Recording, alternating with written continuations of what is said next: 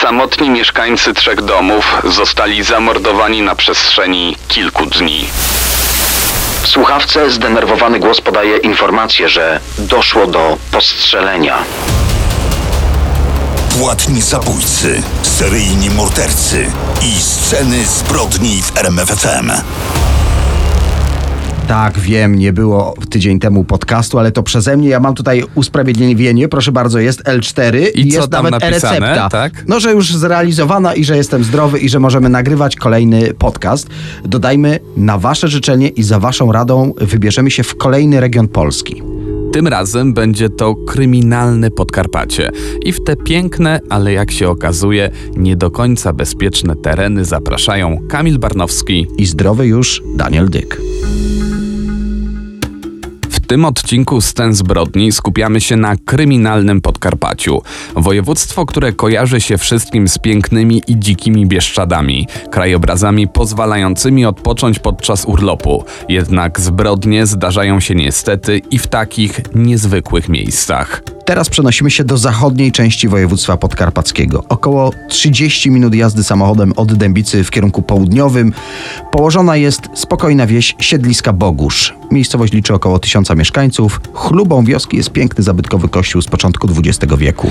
Ale w tej historii mamy luty 2009 roku. Niecały kilometr od kościoła w Siedliskach Bogusz oddalony jest przysiłek poza rzecze. W drewnianym domu samotnie mieszka tutaj pani Zofia N. Ma 79 lat. Mimo zaawansowanego wieku regularnie uczestniczy w nabożeństwach w kościele. Czasami odwiedzają bratanek z miejscowości obok, ale zdecydowanie częściej zagląda tutaj opiekunka. No i właśnie, jak zwykle z wizytą do kobiety przyszła pracownica opieki społecznej. Jest przerażona tym, co widzi na miejscu. Pani Zofia nie żyje. Jej ręce są związane kablem elektrycznym i sznurem. Ma zakneblowane usta, ma zasłonięte oczy. Dwa domy wyżej mieszka 33-letni Krzysztof K.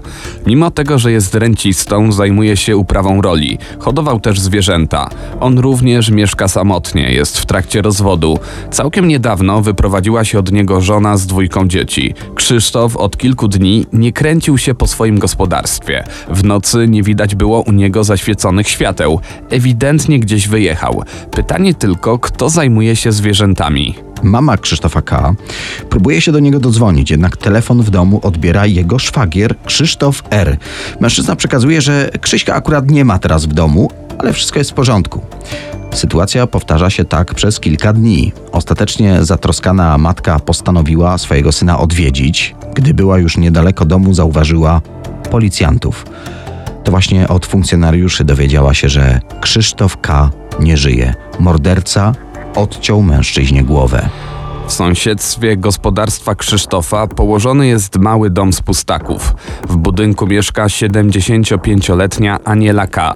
To ciocia zamordowanego mężczyzny. Kobiety nikt nie widział od kilku dni. Nie wyszła nawet do samochodu z piekarni, który sprzedawał mieszkańcom chleb. Zaniepokojona sąsiadka postanowiła sprawdzić, co dzieje się z panią Anielą. To właśnie ona znalazła zamordowaną emerytkę.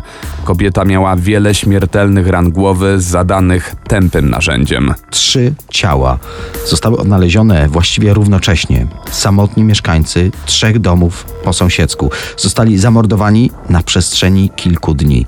Wszystko wyglądało jak scenariusz z jakiegoś horroru, jednak to wydarzyło się naprawdę w małej podkarpackiej malowniczej miejscowości. Mieszkańcy wsi byli przerażeni. Po okolicy grasował seryjny morderca. Każdy mógł być następny. Brutalność przestępców nie mieściła się ludziom w głowie. Policja bardzo szybko zaczęła działać w tej sprawie, co oczywiste pierwszym podejrzanym był ten wspomniany już przez nas szwagier Krzysztofa K., który kilkakrotnie odebrał telefon od mamy zamordowanego. Znalezienie mężczyzny nie było trudne. Krzysztof R. w towarzystwie Dawida P. kupował alkohol w sklepie. Bezrobotni jak na swoje realia mieli przy sobie sporo gotówki. Płacili za wódkę banknotami o dużych nominałach. To też przecież było podejrzane. Mężczyźni zostali zatrzymani. Następnego dnia śledczy znaleźli narzędzia zbrodni. Była to siekiera, młot i piła mechaniczna, którą znaleziono w rzece. 20-letni Krzysztof R. i 25-letni Dawid P. przyznali się do trzech morderstw. Dokładnie opisali również dramatyczne wydarzenia, które rozegrały się w lutym 2009 roku. Krzysztof R. z zawodu stolarz już wcześniej miał poważne problemy z prawem. Jako szesnastolatek usiłował zamordować siekierą starszą sąsiadkę. Kobieta zmarła wkrótce po ataku chłopaka. Jednak mimo tego nie zmieniono kwalifikacji przestępstwa. Krzysztof R. odpowiadał za usiłowanie zabójstwa, a nie za zabójstwo. No i jako nieletni trafił do zakładu poprawczego. Jego wychowawca przyznał później, że gdy nastolatek trafił do tej placówki, nie umiał czytać i pisać. Miał również zaburzoną psychikę. Mimo tego, że Krzysztof R. nie wracał na czas z przepustek, został warunkowo zwolniony z domu poprawczego. Po wyjściu na wolność nadal sprawiał problemy, ale z jakiegoś powodu nie spowodowało to cofnięcia jego warunkowego zwolnienia. Dwa miesiące przed tragedią Krzysztof trafił do schroniska dla bezdomnych w Dębicy. Mieszkając tam poznał swojego przyszłego wspólnika w morderstwach, Dawida P. 25-latek miał również bogatą kartotekę kryminalną.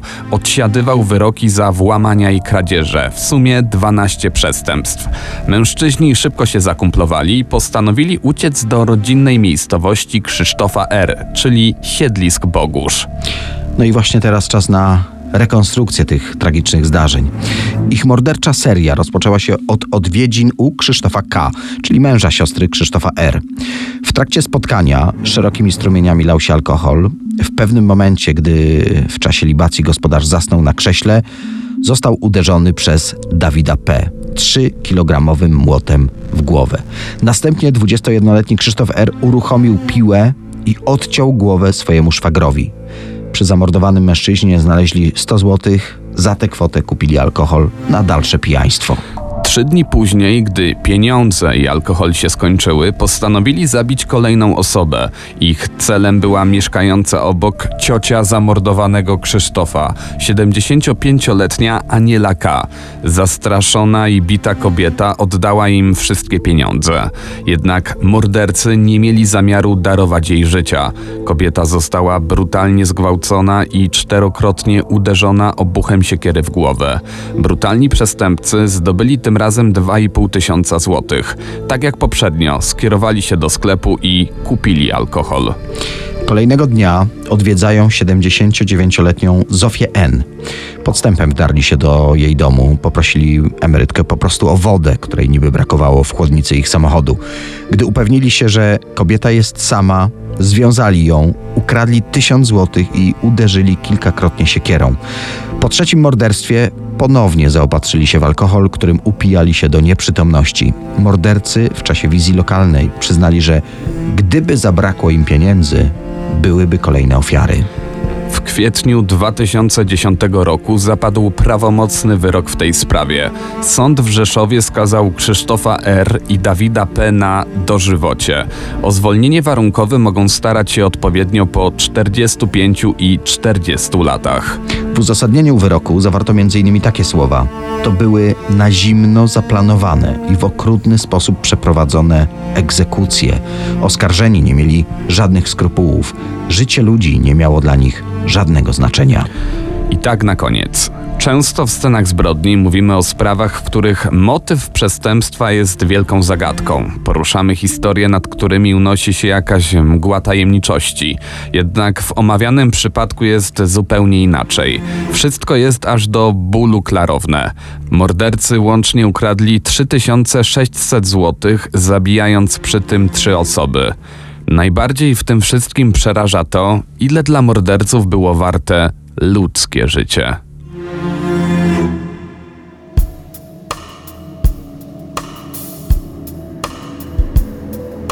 Słuchacie scen zbrodni i dzisiaj kryminalne Podkarpacie. Czas na jedną z najgłośniejszych, a zarazem najbardziej tajemniczych spraw kryminalnych Sanoka. Dzielnica Dąbrówka. Jeden z domów nieco większy niż standard w tej okolicy. Czerwona dachówka, kostka brukowa na podjeździe. To dom ówczesnego wójta Sanoka. Osoba szanowana, znana, lubiana. W domu mieszka wójt Mariusz S., jego żona Aleksandra i trójka ich dzieci. Jest 11 września 2012 roku. Nad ranem sąsiedzi słyszą cztery strzały z broni palnej. Wtedy jeszcze nikt nie wiedział, do jak wielkiej doszło tragedii. No to może jak to u nas od początku. Mariusz S. przyszedł na świat w Sanoku w 65 roku i większość jego życia będzie związana właśnie z tym miastem, choć mieszkał wraz z rodzicami w podsanockich Zabłotcach. Ale jednak to w Sanoku uczęszczał do podstawówki, do Sanockiej Dwójki.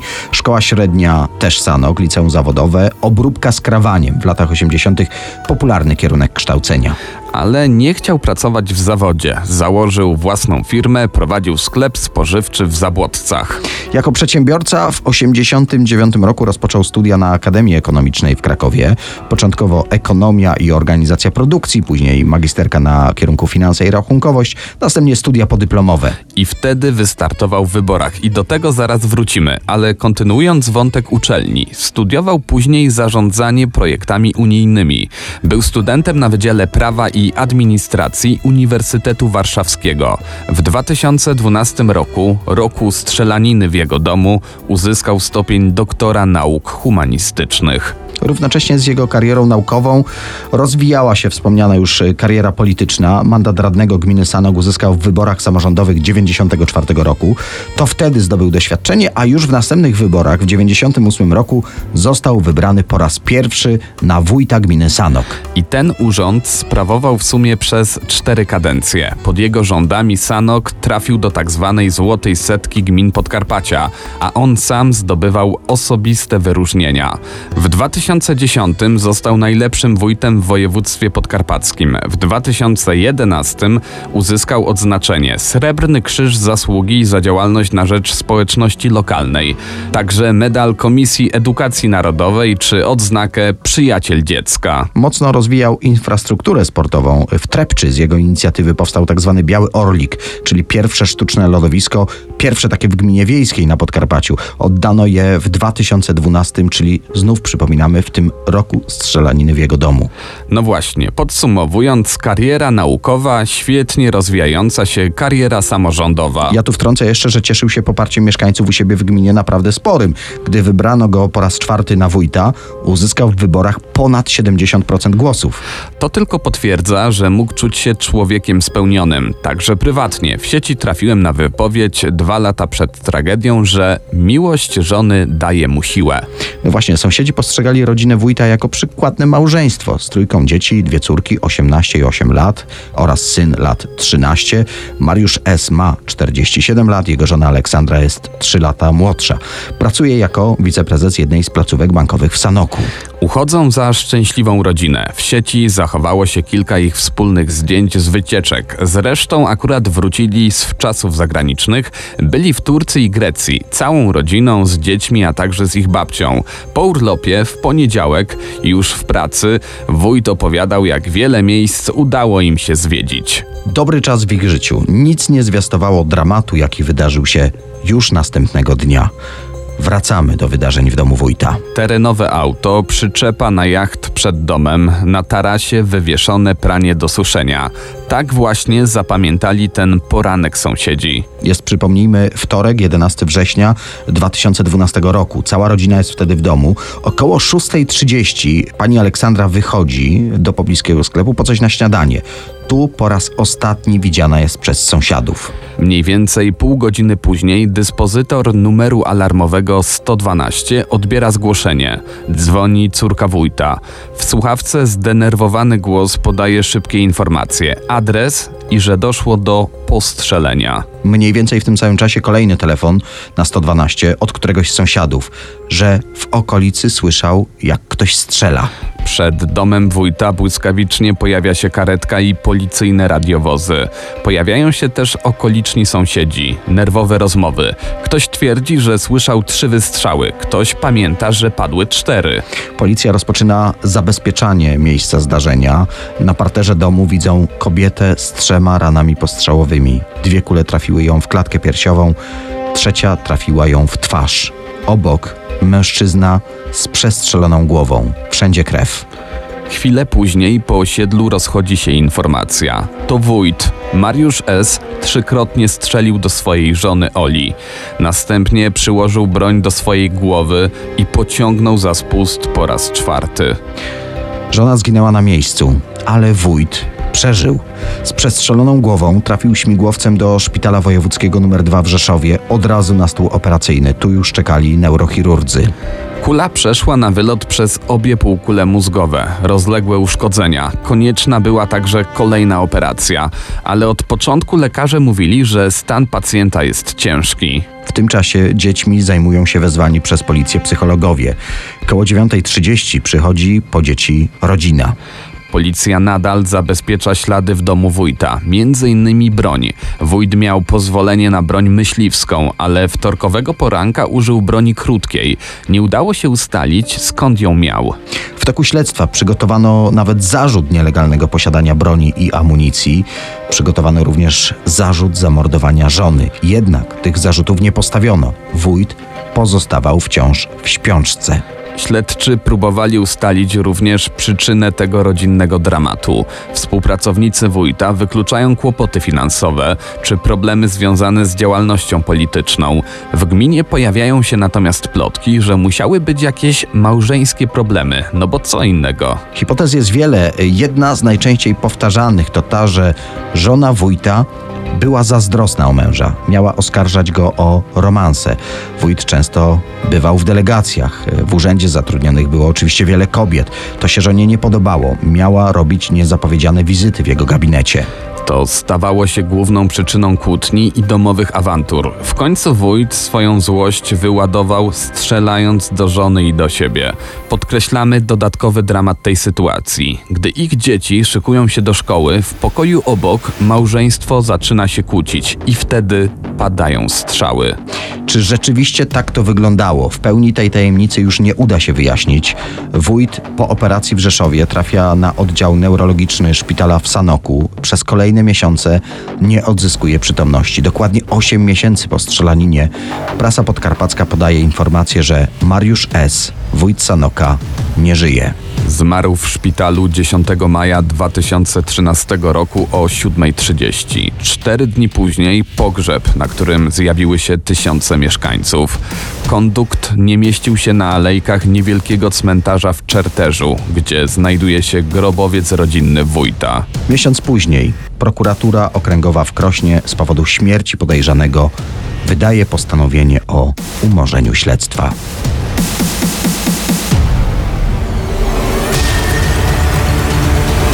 Sceny zbrodni w RMFFM.